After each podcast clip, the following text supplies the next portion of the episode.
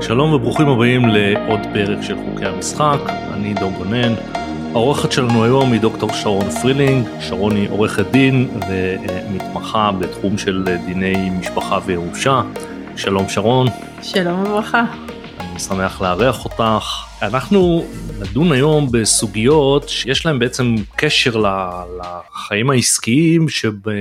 באופן רגיל אנשים שמתעסקים בנושאים של השקעות, פיננסים ובכל תחומים אחרים לא, לא מביאים אותם אולי בחשבון בחיי היום יום.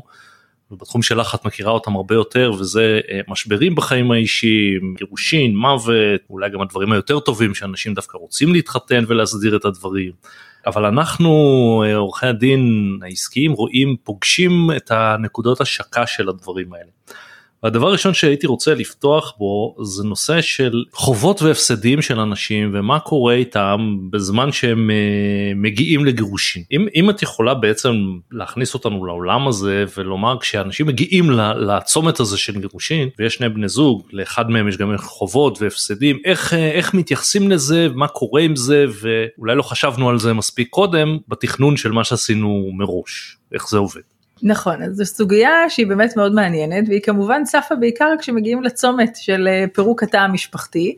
כשיש הפסדים, כשיש הפסדים, כשיש חובות וכחלק מהאיזון הנכסי של הנכסים והזכויות שנצברו, פתאום עולה גם הסוגיה הזו של החובות. הכלל הבסיסי והמנחה הוא שכמו שיש שיתוף בזכויות, יש שיתוף בחובות. אי אפשר ליהנות רק מהדבש ולא מהעוקץ. אז זה קודם כל הכלל הבסיסי. אבל עם זאת, כמובן שתמיד המציאות מאתגרת אותנו, ויש עוד כל מיני מצבים שבהם יש חובות ש... אה, מעוררים שאלה, לדוגמה חובות שהם בעלי אופי אישי, אנחנו יכולים לתת דוגמה למצב של חובות הימורים, אה, ושוב אנחנו לא מדברים רק על החוב באופן ישיר, זה יכול להיות לצורך העניין הלוואה שנלקחה מהבנק לצורך הימורים, משכנתה שניטלה על הבית לצורך הימורים או תשלום חובות הימורים, אז מה דינה באמת כשבאים לפרק את השיתוף בבית, כל העולם של השקעות בשוק ההון הוא גם אה, עולם ש... הופך יותר ויותר מוכר, אנשים גם לעיתים עוסקים בזה בעצמם, או מחליטים שהם לוקחים איזה סיכון ומתפתים להשקעות מסוכנות בשוק ההון, ואנחנו כמובן, יש דברים שהם יותר טריוויאליים, כמו למשל אה, תשלומים והוצאות שהוצאו על אה, מאהב או מאהבת, ואז בנסיבות הללו הדברים יותר כפשוטם, כאן הרבה פעמים יש שאלה של הוכחה, שהיא באמת השאלה היותר מאתגרת, איזה כספים יצאו למטרה, אז אלה מטרות שהן מאוד במובהק מחוץ לתא המשפחתי, וקל יותר לבוא ולהכריז. להחריג אותם ולומר בתשלומים האלה או בחובות הללו אנחנו לא נושאים או אין בזה שיתוף, אבל כשמדובר על פעולות שנעשו כמו שאמרתי, נושא של הימורים, נושא של אה, אה, השקעות בשוק ההון, כאן כבר עולה שאלה שהיא שאלה יותר ממשית, כיצד אנחנו מתייחסים לחובות הללו והיא לא ברורה מאליה. אבל לפני שאנחנו מגיעים לשוק ההון אני רוצה להתעכב רגע על מה שאמרת קודם וזה למשל נניח חובות להימורים. אה, אדם מהמר נניח שבת הזוג שלו לא יודעת את זה בכלל והוא הלך ולקח הלוואה מהבנק בשביל לממן את ההימורים האלה ומגיע גירושין. אז מעבר לחלוקה ביניהם האם הבנק יוכל לגשת לבת הזוג ולהגיד היחסים ביניכם לא מעניינים אותי אני רוצה לקחת גם ממך. אם בת הזוג לא חתומה מול הבנק לבנק יהיה מאוד קשה להגיע אליה. זאת אומרת זו מציאות שהאישה פחות חשופה אליה בנסיבות הללו. השאלה שתהיה מעניינת האם האישה שותפה בחוב הזה כן או לא כשאנחנו בעצם באים לשום את מסת הנכסים לאיזון וכאן אני יכולה לומר שהפסיקה נתנה משקל משמעותי לשאלת הידיעה של האישה. זאת אומרת, בית המשפט, בתי המשפט ראו בזה סוג של מניפולציה כלכלית, את אותו כסף שלוקחים לצורכי הימורים, הפרת חובת נאמנות כלפי בן הזוג, יש איזה חובת נאמנות של אה, פעולה שתהיה לרווחת וטובת התא המשפחתי, ולכן ההתייחסות להחרגת הכספים הללו תהיה מושפעת, אחד, האם מדובר באורח חיים, האם האישה ידעה או לא ידעה מזה, כשכאן... היא ידעה מראש את מתכוונת. ידעה תוך כדי הדרך, תוך כדי הדרך, האם היא ידעה על דרך של עצימת עיניים, וכאן נסביר מה הכוונה, זאת אומרת גם אם אין הוכחה שהייתה ידיעה מובהקת, שהייתה שיחה בעניין וכולי, עדיין אם האישה הייתה יכולה להבין מנסיבות החיים, מדברים שהתגלגלו, בכל זאת בני זוג שחיים ביחד, והעדיפה לא להתעמת עם הסוגיה הזו ולא להתייחס אליה, מה שנקרא קצת להתעלם ממנה ולהמשיך במרוצת החיים, גם בעניין הזה תהיה משמעות לכך שהיא בעצם לא באה ופעלה בזמן אמת, ולכן אנחנו יכולים לראות ש... המסה, הצבר הזה של הנתונים הוא זה שישפיע. אם ניקח דוגמה, אם אדם כאורח חיים הימר והאישה ידעה מזה, אז יכול להיות מאוד, אם לא מדובר בהיקף הפסדים שממש מערערים באופן קיצוני את יציבות התא המשפחתי, אז סביר להניח שבית המשפט לא יחריג את ההוצאות הללו. אם מדובר בדברים שהאישה לא ידעה ולא נעשו כאורח חיים שהיא הייתה אמורה לדעת או יש ציפייה שהיא בעצם הייתה יודעת אם לא הייתה עוצמת עיניה, אז בהחלט אפשר יהיה להחריג את זה. בהקשר הזה אני אומר, ואנחנו נראה את זה גם כשנמשיך ונרחיב על, על שוק ההון, שאני יכולה לומר ביקורת מסוימת לה, להתייחסות של הפסיקה עדיין לתפיסה הזאת, כי אנחנו, ברגע שאנחנו באים ואומרים, הייתה כאן עצימת עיניים, היית צריכה לבוא ולקבול על הדברים בזמן אמת, יש כאן בעצם הטלת אחריות על האישה כצד חלש בדינמיקה המשפחתית הזאת, וזו שאלה שאני שמה עליה, שמה עליה איזושהי כוכבית, אני לא בטוחה שהיא הוגנת ונכונה. את רואה פה נטייה דווקא לאישה, או שזה בן הזוג שהיה מעורב ובן הזוג שלא ידע? זאת אומרת אם זה היה הפוך האישה תהמר והגבר לא ידע התוצאה המשפטית שונה זאת אומרת את רואה פה איזושהי הטיה מגדרית או שהטיה לא. היא רק צד חזק וצד חלש? הטיה היא צד חזק וצד חלש אין הטיה מגדרית אבל עדיין כשאנחנו בכל זאת בוחנים איזה מקרים אה, אנחנו בכל זאת רואים אותם רווחים יותר אז למרות שאנחנו בעולם של שוויון אבל הרבה תאים משפחתיים לא מתנהלים בשוויון אה, אבסולוטי ואנחנו יותר נראה מצבים של פעילות כלכלית שהצד שביצע אותה הוא הגבר. והצד שנמצא פחות מעורב בתוך התהליכים הללו הוא האישה. במרבית המקרים זה כמובן הכללה, זה לא מייצג את כל המקרים, אבל המקרים שאנחנו רואים את זה באופן ניכר וגורף, הם המצבים המגדריים הללו. אבל כדי להבין את הסוגיה, מה שאמרת, אם, אם ניקח דוגמה של מספרים פשוטים, נניח שמסת הנכסים המשותפים היא 100 שקל, במקרה הזה לבעל יש חוב לבנק של 100 שקל על הימורים והאישה לא ידעה מזה בכלל. זה אומר בעצם שהבנק יקבל כלום ויצטרך לפתוח בחדלות פירעון אה, מול הבעל והאישה תקבל את ה-100 או 50 או החלק הרגיל שלה בנכסים? זאת אני, המשמעות? אני אומר, זאת אומרת הבנק יפעל מול הבעל. השאלה, השאלה שקשורה למה יהיה האיזון הפנימי בין האישה לבעל, זו כבר שאלה במערכת היחסים הפנימית שלהם. וכאן ככל שהאישה לצורך העניין לא ידעה ואין כאן עצימת עיניים, אלא יש משהו שנעשה לחלוטין במחשכים על ידי הבעל, לקח את הכספים, הימר, הפסיד, וכרגע צריך לתהות מה קורה עם דינה של ההלוואה. סביר שבנסיבות האלה של היעדר ידיעה כאמור, שזו נקודה חשובה, פעולה שנעשתה במחשכים ולא בצורה פתוחה וגלויה לתא המשפחתי, האישה לא תחוב. עכשיו, מה זה אומר שהיא לא תחוב בהלוואה הזאת? היא עדיין תהיה זכאית במערכת היחסים הפנימית מול הבעל במחצית הנכסים שהוא צבר. כי הרי איך נעשה האיזון לפי חוק יחסי ממון בין בני זוג? אנחנו בעצם שמים את הזכויות והנכסים שצבר הבעל, מינוס החובות שאנחנו בעצם מחליטים שהם, אה, שהם נעשו לטובת ייצור ההכנסות. וכאן זה בלי המינוס בעצם. נכון, במקרה הזה המינוס הספציפי לא, לא ייכלל. אבל, אבל השאלה שלי, ובואי נניח שאני אה, הבנק או מי שילווה לבעל, זה לא משנה אם זה בנק או לא, האם בעצם יגידו לי, לבעל הזה שאתה עומד מולו, בדוגמה שנתנו, יש 50, 50 זה לא שלו, אתה לא יכול בכלל לשים על זה את היד, אלא אתה תנהל, תיקח את ה-50 שלו ותנהל מולו הליכים כמה שאתה רוצה, 50 זה של האישה ואתה לא יכול לגעת בזה. זאת תהיה התוצאה. אני אומר, אם לא יהיה, תלוי כאן מי, מי יקדים לבצע איזשהו הליך, וכאן תלוי אם הבנק יש לו איזשהו שיעבוד על הנכסים כן או לא. זאת אומרת, במערכת היחסים הפנימית בין הבעל לאישה, לאישה תהיה את הזכות לקבל את ה-50% שלה במסה שהבעל צבר. היה והצדדים יפעלו ויגדירו את הזכויות הללו, לפני שהבנק יפעל לפירעון הכספים, אז האישה תקבל את הכספים. זאת אומרת, מבחינת בית משפט לענייני משפחה, האישה זכאית ל-50% מהרכוש. כאן האישה תצטרך לפעול כשיש כאן תחרות של נושה שיכול לקחת את מלוא מסת הכספים, כל עוד הכספים לא הוגדרו כשל האישה, לכאורה הבנק יכול לפעול ולממש את הנכסים של הבעל. האישה תצטרך לפעול, להטיל הגבלות כאלה ואחרות, עיקולים, שיעבודים אה, וכולי צווי מניעה, ואז תהיה כאן את התחרות הזאת. הבנק לא יהיה מוגן ומובטח, אבל השאלה מי יפעל קודם. ובשאלה הזאת אם למשל בדוגמה שלנו הבעל לא רק לקח הלוואה הוא גם שיעבד את הבית או את המכונית או לא משנה מה בלי שהאישה בכלל ידעה.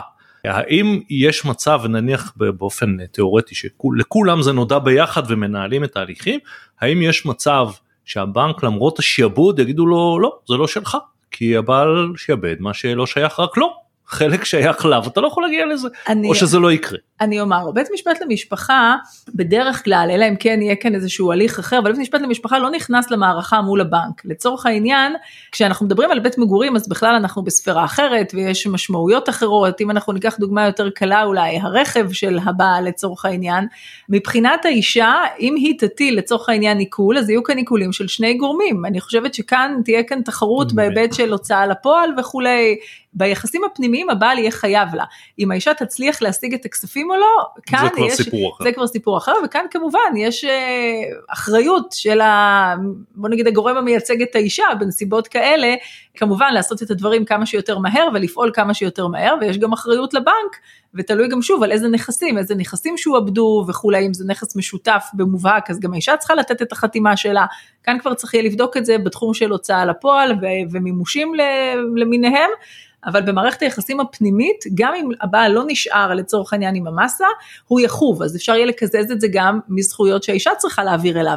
האיזון הרי הוא איזון הדדי, גם כשאנחנו אומרים ברור. לבעל יש 100, גם לאישה נאמר יש איזשהו סכום, אז גם מכאן אפשר יהיה לגרוע את הזכויות שהבעל אמור לקבל ממנה. ואיך היחס אה, לנושא הזה של חובות שהתחלת לדבר עליו מפעילות בשוק ההון, שהיא לפחות אה, בחלקה לגיטימית ונעשית בהרבה משפחות. נכון, וכאן באמת הפסיקה המאוד מעניינת בהתייחסות לכך, כי מצד אחד יש סיפורים מאוד קשים, מאוד מאוד קשים שאתה קורא את הנתונים העובדתיים ואתה רואה את ההתנהלות, ניקח דוגמה, אחד מפסקי הדין שבאמת אה, עוררו עניין, לפחות אצלי, וגם הגיעו לערכאת ערעור, ומעניין לראות את התפיסה. שם דובר בבני זוג שקיבלו פיצויים מההתנתקות בסך שלושה מיליון שקלים, שזה בעצם היה הסכום שנועד לעתודה כלכלית לרכישת בית, סכום משמעותי במשאבי התא המשפחתי. והבעל לקח כמעט שני מיליון מהסכום הזה בהשקעות באתיופיה, השקעות שללא ספק, וכך נכתב בפסקי הדין, חסרות אחריות לגמרי על קרן הצבי, ללא ערובות, ללא ביטחונות, זאת אומרת רשלנות פושעת בהחלטות לגבי התא המשפחתי. ולצד זה גם נקבע כממצא עובדתי שהאישה התנגדה לכך, זאת אומרת בדין ודברים בין הבעל לאישה במרוצת חיי הנישואין, האישה אמרה אני לא מסכימה ש, שתשקיע את הכספים הללו. הבעל בכל זאת, בכל זאת השקיע אותם והפסיד כמעט את כולם. והצדדים אחרי כמה שנים, זה לא קרה בו ברגע, אחרי כמה שנים הגיעו להליך של גירושין והגיעו להליך בבית משפט למשפחה לאיזון המשאבים, באה ואמרה האישה, מבחינתי אני לא מוכנה לספוג את ההפסד הזה, זה העתודה שלי לרכישת בית, לא הסכמתי לזה, הוא עשה את מה שהוא עשה על דעת עצמו, ללא הסכמתי, אני מבקשת לא להתחשב בזה. בית משפט למשפחה אכן קיבל את טענה הזאת ובא וקבע נורמה שלטעמי היא נורמה ראויה שבאה ואומרת כשאנחנו מדברים על השקעות מהותיות ומשמעותיות של התא המשפחתי אנחנו צריכים לקבל את הסכמת הצד השני. אנחנו לא יכולים להניח הסכמה. קל וחומר כשגם שהוא מתנגד. שהוא מתנגד וכאן הייתה הכרעה עובדתית שגם הייתה התנגדות הייתה אמירה ברורה. ואז בית משפט יצר את האיזון כשהוא מייחס לבעל את אותם שני מיליון בידיו, זאת אומרת כביכול אנחנו מניחים שיש לך אותם, בעיה שלך אם הפסדת אותם. נכון בדיוק, ובהתאם לזה אתה צריך להעביר מחצית. הוגש ערעור על פסק הדין, וכאן דבר מעניין, זאת אומרת בית, בית המשפט המחוזי בעצם הפך את ההחלטה הזאת, התחשב בכך שהבעל למעשה לא התכוון להבריח רכוש, הבעל התכוון בתום לב, זאת אומרת כוונותיו היו לעשות טוב לתא המשפחתי, להשביח את הרווחה הכלכלית של התא המשפחתי, לא היה חולה כמובן שאם היו רווחים אז הם היו מוזרמים לתא המשפחתי, ולכן את אותה כוונה התאמת לב בעצם החליט שהוא נותן לה איזשהו משקל בכורה, ואפילו הטיל איזושהי ביקורת ומחיר על האישה, כשהוא בא וציין מדוע האישה לא באה בזמן אמת לבית המשפט. זאת אומרת, מבחינת הציפייה של בית המשפט המחוזי, שהאישה בזמן אמת, שיש את הוויכוח בין הבעל לאישה, והאישה יודעת שהוא בכל זאת עשה דברים בניגוד לדעתה, הייתה גם מחלוקת אם היא ידעה או לא ידעה על היקף הסכום של ההשקעה, היא הייתה כביכול צריכה לבוא לבית המשפט, וכבר אז לבוא ולומר אני לא מוכנה, אני מבקשת להגן על כספי. לא, זה, לא, זה לא נראה מעשי כי המשמעות של דבר כזה זה גירושין בדרך כלל. ברור חד משמעי ולכן אני חושבת שיש פה ניתוק מסוים מהציפייה האמיתית שאנחנו יכולים לצפות מהאדם הסביר. הרי לא סביר אם מדובר כאן גם במשפחה עם ילדים קטנים שישה ילדים גם תהליך של בניית תודעה שהתא המשפחתי הולך לפירוק הכנה נפשית לתהליך כזה זה לא דבר של מה בכך גם כשהיחסים לא טובים יש שיקולים כלכליים אם אני איך אפשר להתפרנס יש המון פחדים המון דברים שמעכבים החלטות כאלה ולפעמים טוב שכך שהחלטות לא פזיזות כל כך. ולכן לבוא ולומר אנחנו מצפים מהאישה לבוא ולקום על רגליה באסרטיביות, לגשת לבית משפט, זו ציפייה לא ריאלית וכאן הוטל המחיר על האישה בסופו של דבר בא בית משפט ואמר, אנחנו לא נייחס לו כאילו הכסף בידיו, אנחנו לא נאזן את הסכום הזה, עשו שם איזשהו איזון אחר שהאישה קיבלה את בית המגורים כנגד הזכויות הפנסיה של הבעל, אבל הזכויות האלה היו כמעט אה, שקולות, אז בעצם היא לא קיבלה פיצוי אמיתי על ההפסד. וזו ההלכה היום או זה היה מקרה מסוים ואת לא חושבת שהוא אני, יחזור? אני אומר, בעיקרון כל מקרה נבחן תמיד לנסיבותיו, יש פרמטרים מנחים, והפרמטרים המנחים הם אכן פרמטרים שמתייחסים אחד לכמה ההשקעה ערערה את יציבות התא המשפחתי, זה אחד מהפרמטרים המשמעותיים, זאת אומרת גם אם יש הפסד משמעותי שנעשה בתום לב, שוב כמובן אם יש כוונה להברחת כספים אנחנו בעולם אחר ברור. של דיון, אבל בהנחה שנעשו השקעות בתום לב, אין כאן ערעור של התא המשפחתי מבחינת היקף ומסת ההשקעה וההפסד בעקבותיה, ויש כאן סוג של ידיעה או עצימת עיניים, הנטייה תהיה לא לגרוע את ההפסד. וזאת להבדיל מנורמה אחרת שבאה ואומרת כשנעשית פעולה במסה משמעותית מההון של התא המשפחתי, במיוחד כשמדובר בפעולה שיש בה סיכון והיא לא פעולה סולידית, נורמה שאומרת צריך הסכמה ברורה למהלך כזה. אני סבורה שזו הנורמה הראויה להכיל אותה, נורמה שבאה ואומרת צריכה להיות כאן הסכמה.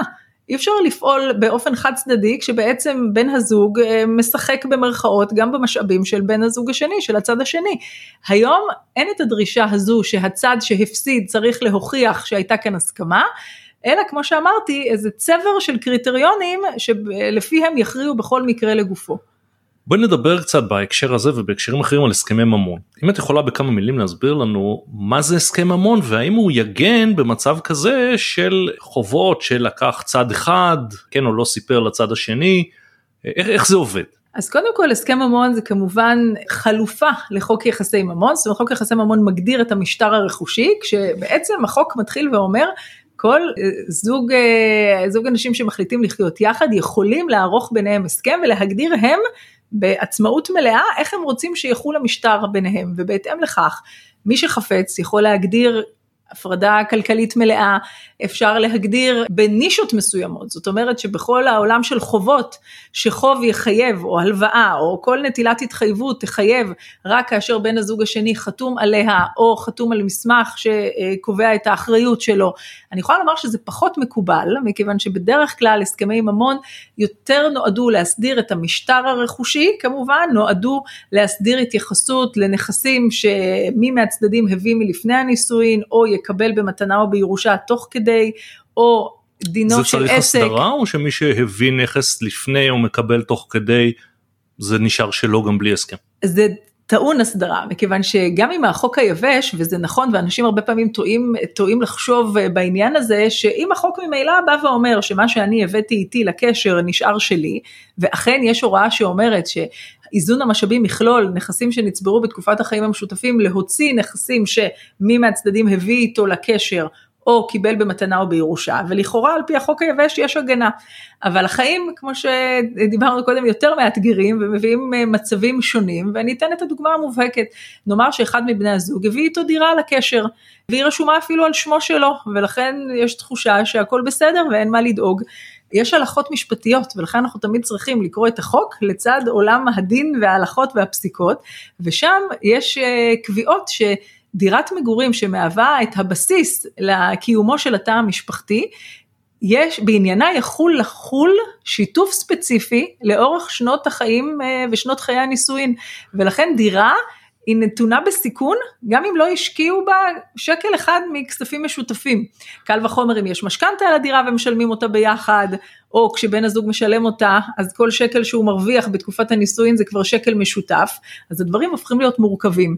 ואז דירה בהחלט אפשר להגיע למצב שבית משפט יקבע שחל שיתוף לגבי הדירה הזו, שיתוף ספציפי. אפילו שהיא רשומה רק על שם אחד מבני הזוג. ואם אני לוקח את הדוגמה שהבאת, נאמר אחד מבני הזוג הביא דירה לפני הנישואין, הביא לתוך הקשר, ועושים שם התחדשות עירונית, תמ"א 38 או אחר, ובעצם הדירה הזאת מוחלפת בדירה טובה יותר, אולי עם תוספת כסף כזאת או אחרת. אם אין יחסי ממון זה אומר שהדירה החדשה תהיה אוטומטית בתוך הרכוש משותף לשני בני הזוג, או שזאת שאלה לא פשוטה. אני אומר, שום דבר הוא לא אוטומטי בהיבט הזה, אבל צריך להבין שדווקא כשאנחנו מדברים על דירת מגורים, היא נתונה בסיכון גבוה לשיתוף ספציפי לאורך הקשר. כשאנחנו מדברים על תמ"א למשל, אז אם יש החלפה נקודתית שלא טעונה תוספת כלכלית, אז למעשה לא אירע שום אירוע דרמטי בהיבט של איך אנחנו מתייחסים לדירה. אבל אם אנחנו מדברים על תמ"א שבה קונים עוד כמה מטרים לדירה, או כל מיני דינמיקות כלכליות כאלה, או אפילו לא תמ"א, או דבר יותר פשוט, עושים איזשהו שיפוץ לדירה. עושים שיפוץ, שיפוץ משמעותי, כל השקעה כלכלית או אפילו משלמים משכנתה, שזה הדבר הכי פשוט שיש לכאורה, אפילו לעיתים אנשים מרגישים שאם הבן הזוג שהביא את הדירה ממשיך לשלם עליה את המשכנתה מחשבונו שלו, אם יש חשבונות נפרדים אז הוא מרגיש מוגן, אבל לא, כי כמו שאמרתי, כל שקל שמרוויחים בתוך הנישואין, אם אין קביעה אחרת בהסכם הממון, הוא שקל משותף. אז לכן דירת מגורים באופן מיוחד טעונה הסכם ממון ככל שרוצים להגן על אה, אפשרות לשיתוף בה במרוצת חיי הנישואין. והסכם ממון יגן, זאת אומרת הסכם ממון אם בוא נניח נקבע שדירה שמישהו הביא נשארת שלו, אם מגיעים לגירושין לא יוכלו לטעון נגד זה. נכון, כמובן שההסכם צריך להיות מפורט וצריך להגדיר בכל מיני נסיבות, גם בנסיבות של השקעה, זאת אומרת צריך כן לכסות ולעשות את הדברים בצורה מקצועית, ככל שהסכם ממון נערך בצורה מקצועית ומכסה את המצבים אה, שאנחנו יכולים אה, לחשוב עליהם, מכסה כל מיני סיטואציות, אה, גם האופן שבו התפתחו חיי הנישואין, אז הוא בהחלט יגן על הדירה. בהקשרים האלה יש גם מצבים עוד יותר מאתגרים. לדוגמה מציאות שבה מי מהצדדים מביא איתו או כסף שהוא צבר לפני הנישואין או מתנת משפחה לצורך רכישת דירה שנרשמת במשותף. ישנם מצבים שהם באמת מחדדים את התחושה, תחושה מסוימת של חוסר אה, הוגנות, מצבים שבהם אחד מהצדדים, הוריו החליטו לסייע באופן משמעותי לקניית דירה, לפעמים אנחנו מדברים על סכומים של אה, עד מיליון ויותר שקלים שתורמים לטובת העניין. הצד השני לא הביא כל תמורה, הצדדים ככה בגישה מאוד אופטימית של תחילת הנישואין רושמים את הדירה על שם שני הצדדים, אין שום הסכם הלוואה עם ההורים, התפיסה הייתה שזו בעצם מתנה. ואם uh, הקשר בעצם uh, עולה על סרטון כעבור שנים ספורות מאוד, לפעמים אפילו בלי שיש ילדים, ואז גם אין אפילו איזושהי התבוננות על התא בנגזרת רחבה יותר, אנחנו שואלים את עצמנו מה דינם של הכספים. ככל שהדירה רשומה על שם שני הצדדים, וזאת תהיה מתנה, ובית משפט יקבע שזו מתנה, יהיה קשה מאוד לקבל את הכסף חזרה.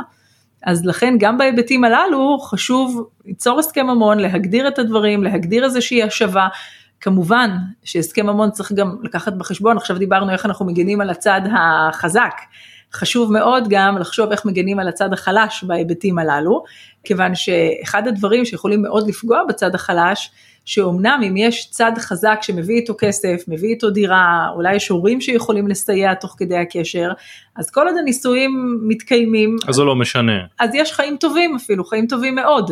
אבל מה קורה מקץ 20 שנה, אם יש הסכם ממון שבא ואומר הדירה שלי ו- וכולי ו- ושום דבר, אפילו אם, אם יש שיתוף בהיבטים אחרים, אבל נאמר הדירה שלי ולא תתחלק אף פעם, אחרי 20 שנה, בן הזוג החלש יוצא כשאין לו שום עתודה כלכלית לרכוש דירה. עכשיו במצבים כאלה יאמר בן הזוג החלש, סליחה רגע, אם אני הייתי מתחתן עם אדם עם פחות משאבים, אולי הייתי פחות, אולי לא הייתי מתפנק באותה רמה, לא הייתי נוסע לחופשות כל כך יקרות, אבל הייתי חוסך, כי אם הייתי מתחתן עם אדם ברמתי, הייתי חוסך, הייתי קונה דירה עם משכנתה, והיום היה לי משהו אבל, ביד. אבל בית, בית משפט יקבל טענה כזאת, או שאם יש הסכם ממון מחייב, אז זה בעיה שלך שלא חשבת על זה. אני אומר, ברוב המקרים זה תהיה תחושת אי נוחות, אבל כנראה תהיה בעיה שלך שלא חשבת על זה. כמובן שיבחנו דברים אחרים, יש זכויות סוציאליות, יהיו משאבים אחרים, אבל המשאב המשמעותי יכול להיות חסר, והוא בהחלט דבר מטריד מאוד. בית משפט יהיה לו מאוד קשה לבוא ולבטל את, ה, את מהותו של ההסכם, כי בעצם אז אנחנו פוגעים בחופש החוזים הבסיסי ביותר, ופוגעים במקום ש, ש, שבמסגרתו בן הזוג היה מוכן להיקשר בקשר הנישואין, אבל כשאנחנו רוצים לערוך הסכם ממון חכם, אני קוראת לזה, צריך לחשוב גם על הצד החלש כלכלית, אם אנחנו באמת רוצים לעשות דבר הגון, ולראות איך אנחנו בעצם גם משרתים את הצרכים של הצד החזק, שהם מובנים לגמרי ונכונים, וגם חושבים איך בכל זאת חוסכים כספים, יוצרים עתודה כלכלית, אפילו קונים איזה דירת השקעה שהשכירות תשלם את המשכנתה שלה, כדי שלבן הזוג החלש תהיה איזושהי עתודה במקרה שהקשר לא יצלח. בואי נלך אה, למצב של אנשים בדרך כלל אה, בוגרים יותר שמגיעים אה, לגירושין, מסיימים את המשבר ובמזל טוב יש להם זוגיות חדשה. כל אחד סוחב במרכאות את התיקים שלו, את הנכסים שלו, החובות שלו, הילדים שלו, והרבה פעמים זה באמת זוגיות חדשה שיש משני הצדדים אה, מערכות קודמות, פרידות וכולי. איך את מתייחסת להסכמי ממון בנסיבות האלה ועל מה נכון לשים את הדגש בהם? אז קודם כל אלה מערכות שקודם כל מאוד חשוב לערוך בהם הסכם ממון, חשוב לערוך בהם צוואה, אפילו ביתר סט מאשר מערכת יחסים ראשונה, למרות שלטעמי בכל מערכת יחסים שאנשים לא מגיעים ממש מאוזנים אחד עם השני, חשוב לערוך הסכם, כי יש לזה הרבה מאוד יתרונות. במערכות יחסים מהסוג הזה של פרק ב' לחיים, אה, הדברים הופכים להיות מורכבים יותר, כיוון שאנחנו רואים הרבה מאוד יריבויות, כשאם ניקח את המקרים של הגיל השלישי אפילו, כשאחד מבני הזוג נפטר, ואם הדברים לא מוסדרים בהסכם ממון מסודר או בצוואה מסודרת, אז יש קרבות בין הילדים של בן הזוג מנישואים קודמים, לבין בת הזוג החדשה.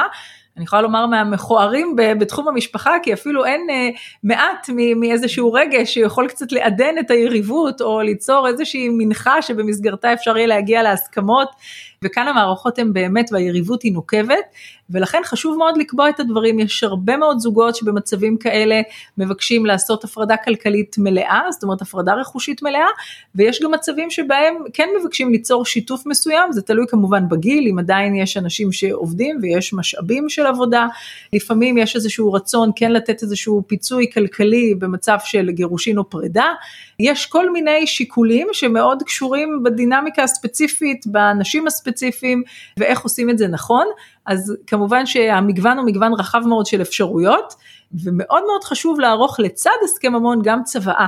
הרבה אנשים סבורים שאם נערך הסכם ממון אז לכאורה שום דבר לא מטריד, כבר קבענו מה מגיע לבת הזוג או לבן הזוג, אבל הסכם ממון לא מכסה אה, מצבים של פטירה וזכויות ירושה, הוא כן מכסה מצבים של פטירה בהיבט של מה אנחנו צריכים לתת אחד לשני באיזון הרכושי, בעולם של יחסי הממון. אני לא בטוח שהבנתי, זאת אומרת, אם נאמר שעשינו הסכם ממון ואחד מבני הזוג הלך לעולמו, הרי הוא לא יכול, בן הזוג שהלך לעולמו לא יכול להוריש את מה שאין לו, זאת אומרת, האם לא הסתכלו קודם מה מגיע לבן או בת הזוג שנשארו בחיים, ורק החלק שלו הוא זה שהוא יכול להוריש אותו, זאת אומרת, אם יש הסכם ממון, ומגיע לבן או בת הזוג שנשארו בחיים משהו האם זה לא יישאר שלו והחלק של אה, בן הזוג שהלך לעולמו יהיה לפי צוואתו או בלי צוואה. אני אומר איפה המורכבות אה, מאיפה המורכבות מגיעה. כשאדם הולך לעולמו במערכת היחסים הזוגית יש לנו אה, שני משטרים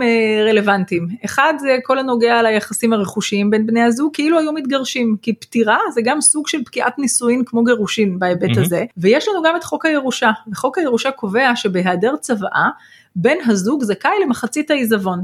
אז לדוגמה, אם ניקח כאן דוגמה מספרית, נניח שלצורך העניין לבן הזוג שנפטר, יש לו מסה רכושית ששווה 100.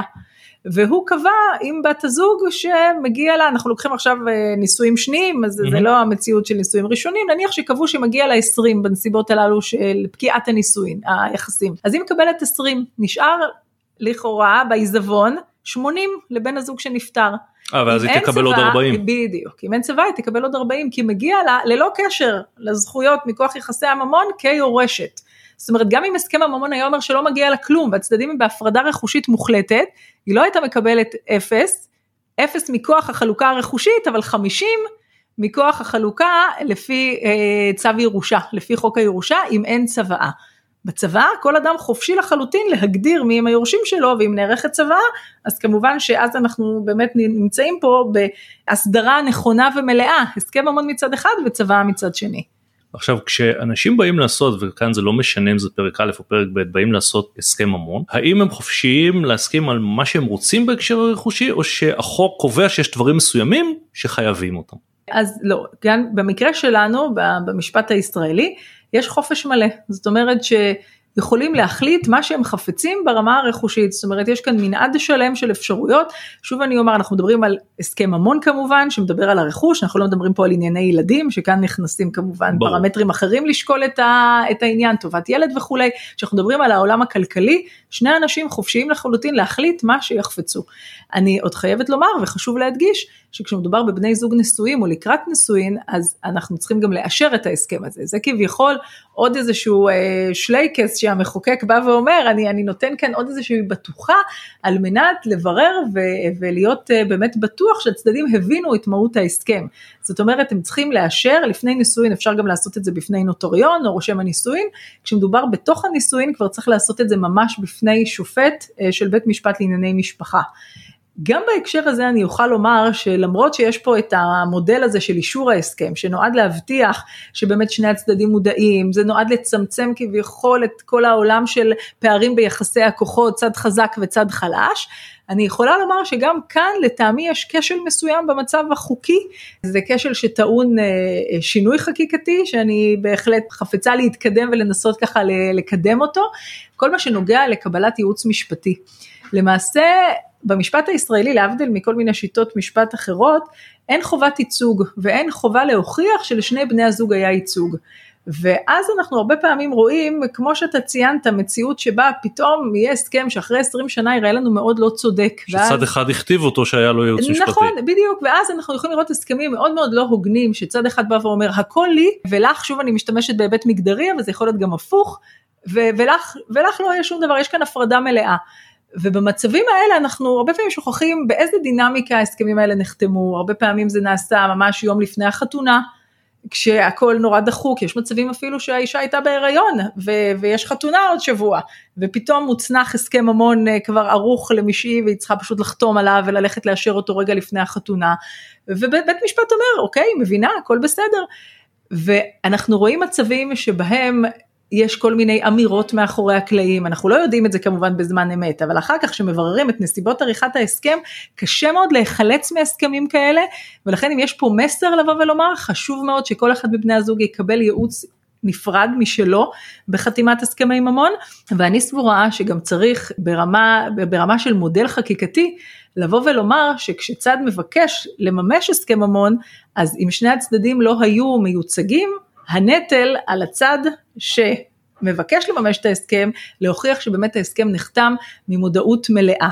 ושוב אנחנו רואים כאן, אם אנחנו חוזרים למה ששוחחנו קודם, שמטילים יותר אחריות על הצד החלש מאשר על הצד החזק. זאת אומרת, יגידו לצד החלש, לא נמנעה ממך אפשרות ללכת אה, ולקבל ייצוג, ולפעמים יש באמת סיטואציות, אני יכולה להגיד, מאוד מורכבות, אפילו הסכם שנחתם בזמן חיי נישואין, כשיש ילדים, כשבאמת כוח המיקוח של, של הצד החלש הוא מאוד מאוד קטן, כי הוא חושש להתגרש, הוא לא באמת יכול לדמיין או להחזיק את עצמו כלכלית, כוח המיקוח הוא חלש מאוד, וגם בלי ייצוג עדיין הסכמים כאלה שאושרו על ידי בתי המשפט ימומשו בסופו של יום. ולכן יש פה סוגיה שראוי לתקן אותה, אבל כל עוד היא, המצב המשפטי כיום הוא שהסכם כזה יעמוד, אלא אם כן, שוב, יוכרח, יוכחו העילות לבטלות אה, חוזים שאנחנו מכירים, שזה עושק, הטעיה, טעות וכולי, אז כאן אנחנו כבר נמצאים בזירה אחרת, ואני יכולה לומר שקשה מאוד לעבור את המשוכה של להוכיח את העילות האלה מבחינת הנורמות וההלכות הקיימות היום בבית משפט. וכשאת מדברת על הסכם ממון, בייחוד אם אה, מדובר פרק ב', מה אה, קורה במקרה של אנשים שלא מעוניינים שוב בנישואין פורמליים, הם ידועים בציבור, נאמר, חיים ביחד, האם הם יכולים בכלל לעשות הסכם ממון או הסכם בשם אחר שיש לו כוח דומה, או שאנחנו במקום אחר לגמרי? בוודאי שהם יכולים, בוודאי שהם יכולים וזה דבר שנעשה כשגרה, גם אם זה פרק א' וגם אם זה פרק ב', הסכם ממון, או אפשר לקרוא לו הסכם ממון, אפשר לקרוא לו הסכם חיים משותפים, באופן עקרוני הסכם כזה הוא לא יהיה הסכם לפי חוק יחסי ממון שחל על בני זוג נשואים, אבל הוא בהחלט יהיה הסכם שמגדיר את משטר הרכושי שבני הזוג מתנהלים לפיו, והוא בהחלט יתפוס. הסכם כזה לא חייב לקבל את אישור בית המשפט, כי שוב זה לא הסכם לפי חוק יחסי ממון, עדיין אני ממליצה מאוד שהסכם כזה גם הוא יאושר על ידי בית משפט ויש אפשרות לאשר אותו, בהחלט כן. יש אפשרות לאשר אותו אפשר... למרות שאין פה נישואים? נכון, כן, יש אפשרות לאשר אותו, לא חובה, זאת אומרת ההסכם לא מקבל את תוקפו מהאישור, זאת אומרת הוא לא חסר תוקף אם אין אישור, כי אין חובה לאשר, שוב אני אומרת, כי זה לא לפי החוק, אבל יש אפשרות ובתי משפט כן מאשרים הסכמים מהסוג הזה. הם לא מאשרים לפי חוק יחסי ממון, הם מאשרים הסכמים כאלה לפי חוק בית משפט למשפחה, וחשוב מאוד לאשר את זה כדי לתת עוד איזשהו תוקף להסכם, כדי למעט אפשרויות לנסות לכפור בו כשמגיע הרגע לממש אותו בטענות כאלה ואחרות, אז מאוד חשוב, כן כן לאשר אותו בבית המשפט וזו פרוצדורה אפשרית בהחלט. וכשבא זוג נאמר אה, בדרך כלל זה קורה שהכל טוב בייחוד אה, בנישואים ראשונים לעשות כזה הסכם ממון. האם את היית ממליצה שהם ילכו כמו שהרבה עושים לעורך דין מסוים שמבין בזה וייתן להם ייעוץ או כל אחד צריך לקחת ייצוג משלו? אני ממליצה שכל אחד יקבל ייצוג משלו כשעורכי הדין יודעים שהם פועלים פה בזירה שהיא זירה עם אווירה אחרת ועם גישה אחרת. זאת אומרת עורכי דין לדיני משפחה יש להם כל מיני כובעים זאת אומרת גם עורכים הסכמי ממון מצד אחד וגם uh, מנהלים מטפ... קרבות גירושין מצד שני.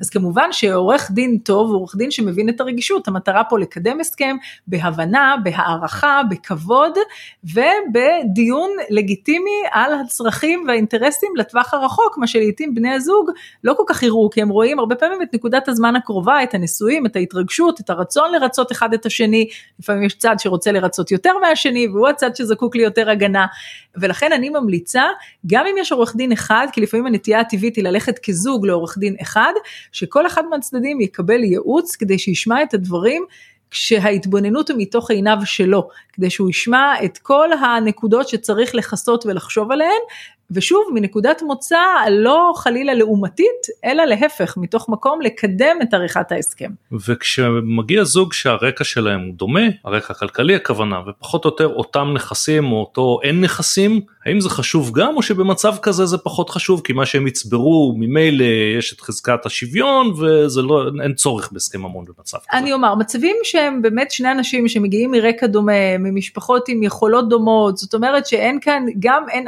אין מישהו שהגיע עם איזושהי מסה כלכלית שהוא מביא איתו, ומצד שני אין איזושהי ציפייה שניכרת לעין שמי מהמשפחות תוכלנה לתת יותר מה, מהשנייה, במובן זה שייווצר כאן חוסר איזון, לא בהכרח נדרש בנסיבות הללו. ככל שבני הזוג, אני אסתייג, ככל שבני הזוג מבקשים לקבל את העיקרון שכל מה שנצבר בתקופת החיים המשותפים הוא, הם נכסים משותפים, שזה העיקרון שהחוק מגדיר. ברור. ככל שזה מקובל עליהם כנורמת חיים, אז לא בהכרח נדרש. ובניסיון שלך במשך השנים, את רואה יותר אנשים שפונים לכלי הזה של הסכם ממון, או שסטטיסטית זה פחות או יותר אותו, אותו אחוז? אני כן רואה שינוי מגמה במובן זה שאם אה, נאמר לפני 20 שנה היה יותר מקובל לעשות זאת בנישואין פרק ב' ש, שאז אה, הייתה לזה יותר לגיטימציה בוא נאמר גם אה, חברתית במערכת יחסים עצם העלאת הרעיון היום הדבר הופך להיות יותר ויותר שכיח גם בנישואין פרק א' אני חושבת שהמודעות לשיעורי הגירושין הגבוהים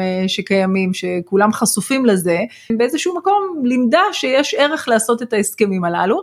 וחשוב לומר, הסכם ממון שנערך בצורה חכמה, נכונה, עם הגישה הנכונה, בסופו של יום יוכל אה, להסיר הרבה מאוד אבני נגף בשלב הגירושין, והרבה מאוד מחלוקות או איזושהי מוטיבציה לטעון כל מיני טענות בשטח אפור, ככל שההסכם מנטרל את השטחים האפורים הללו וקובע עקרונות ברורים. לסיום אני אשאל אותך שאלה מהצד דווקא אה, לא של בני הזוג עצמם, אלא נאמר שיש לנו גוף מסוים עסקי שקונה, מוכר, עושה איזושהי עסקה עם אדם, אותו אדם נמצא בנישואין כמו הרבה מאוד אחרים, אה, אם זה קנייה או מכירה של נדל"ן או כל עסקה גדולה אחרת. האם נדרש לוודא או להחתים את בן הזוג השני על הסכמה מסוימת? או שאם הכל נקרא לזה במהלך עסקים רגיל אז, אז מי שמתקשר בעסקה כזאת לא לוקח שום סיכון. אני שואל את זה למשל אנחנו כן רואים באופן טבעי ואנחנו רואים גם בעבודה, למשל בתחום של אה, נדל"ן, הרבה פעמים אה, יזמי התחדשות עירונית ואחרים מבקשים להחתים את בן הזוג השני שאין לו, שנניח זה לא רשום על שמו, שאין לו ולא יהיו לו שום טענות. מתי צריך להידרש לדבר הזה ומתי אין צורך? אני חושבת שקו הבחנה שהוא יחסית ברור בהקשרים הללו התייחס לשאלה האם מדובר בהתנהלות עסקית או בהתנהלות פרטית. זאת אומרת, אם אנחנו, אנחנו רואים הרבה פעמים אנשים, גם אנשים נשואים כמובן, מנהלים עסקים, מנהלים חברות, מנהלים נדל"ן עסקי, וכמובן מנהלים את עסקיהם בלי שנדרש לרוץ ולבוא ולבחון איפה בן הזוג נמצא ואיפה חתימתו. זה כמובן משהו שלא יהיה סביר לניהול עסקים ובכלל לכל פעולה שהיא לגיטימית, גם כשה... האדם הוא אדם נשוי. עם זאת, ככל שאנחנו מתייחסים לעסקאות בנדל"ן שהוא פרטי, זאת אומרת דירת מגורים או דירה להשקעה, ולא מדובר כאן בפעילות עסקית, חשוב מאוד שאותו צד ג' אכן יבחן את קיומו או היעדר קיומו של בן זוג וכן יוודא שיש הסכמה כדי לא להיקלע למצבים שבהם יטען שהוא לא יכול לקבל את הגנת השוק החופשי מכיוון שהייתה לו סיבה לסבור שאולי יש כאן עוד בעל זכויות. הבנקים כמובן מאוד מקפידים על זה ולא בכדי וכמובן כמו שציינת גם באירועי תמ"א למיניהם הדבר הזה נעשה. נדל"ן עסקי או פרטי זה באמת איזשהו קו שנותן הגדרה טובה ונכונה. שרון אני מאוד מודה לך שבאת להתארח ושמחתי לארח אותך בפודקאסט. תודה רבה שמחתי גם אני. עד כאן עוד פרק של חוקי המשחק אותי תוכלו כמובן למצוא בלינקדאין פייסבוק וכמובן גם בגולדפארם. תודה רבה.